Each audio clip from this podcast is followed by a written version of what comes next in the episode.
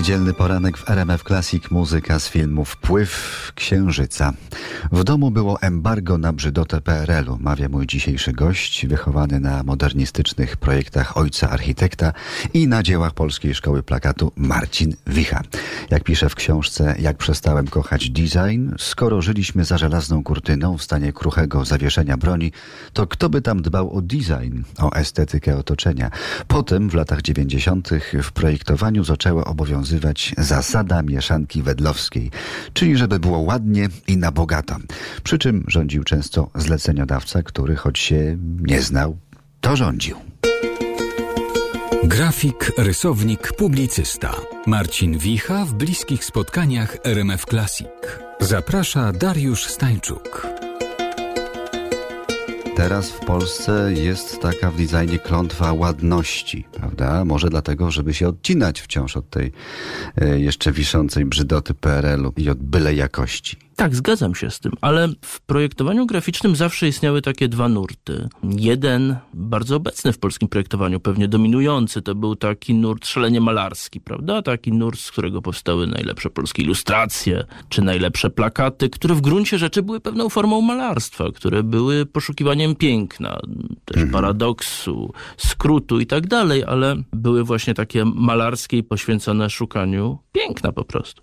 Ale jest też w projektowaniu dwudziestowiecznym taki drugi nurt, który widzi projektowanie jako pewną formę porządkowania rzeczywistości. To znaczy, że kiedy projektujemy wygląd jakiejś strony, nawet jeśli robimy to tylko w Wordzie albo w jakiejś prezentacji przygotowywanej, nie wiem, do szkoły, to się okazuje, że nasza praca to jest taka praca z jakimś uporządkowaniem informacji, które na tej stronie, na tej kartce czy ekranie się znajdują. Musimy zdecydować, co tam jest ważne, co jest nieważne, jak zaakcentować tytuł, jak stworzyć jaką hierarchię w tym tekście, jak go skonstruować. I to jest taki początek myślenia o projektowaniu jako takiej domenie, gdzie się próbuje jakoś trochę świat uporządkować Kovac. Ktoś, kto robi tabliczki na domach, porządkuje nasze widzenie miasta. Ktoś, kto robi strzałki w metrze czy na lotnisku, prawda?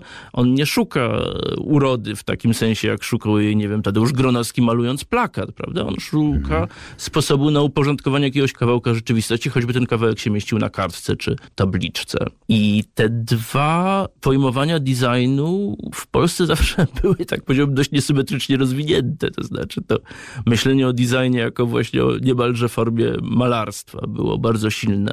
A myślenie o designie jako o formie takiej niemal inżynierskiej takie myślenie, które widzimy u konstruktywistów, które widzimy w Bauhausie, które widzimy później w pracach ich amerykańskich kontynuatorów, zawsze było dużo słabsze. Dużo, dużo trudniej znaleźć projektantów, którzy myślą o sobie jako inżynierach świata wizualnego. Są tacy, ale jest ich mniej.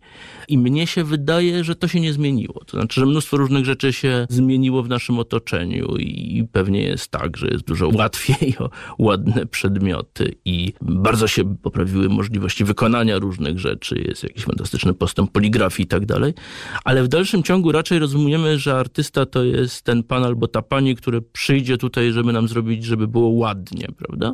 Mniej myślimy o tym, że to jest ktoś, kto może sprawić, że będziemy szybciej trafimy do lekarza w szpitalu czym mniej czasu spędzimy na błądzeniu po lotnisku czy dworcu kolejowym. Bo dobry design bywa czasem niemal niewidoczny. Dyskretnie pomaga nam na przykład właśnie dotrzeć do celu. Do 13 w RMF Classic bliskie spotkania z projektantem i dobrym gawędziarzem przy okazji Marcinem Wichą cały czas y, serdecznie zapraszamy. Enia obiecana już teraz.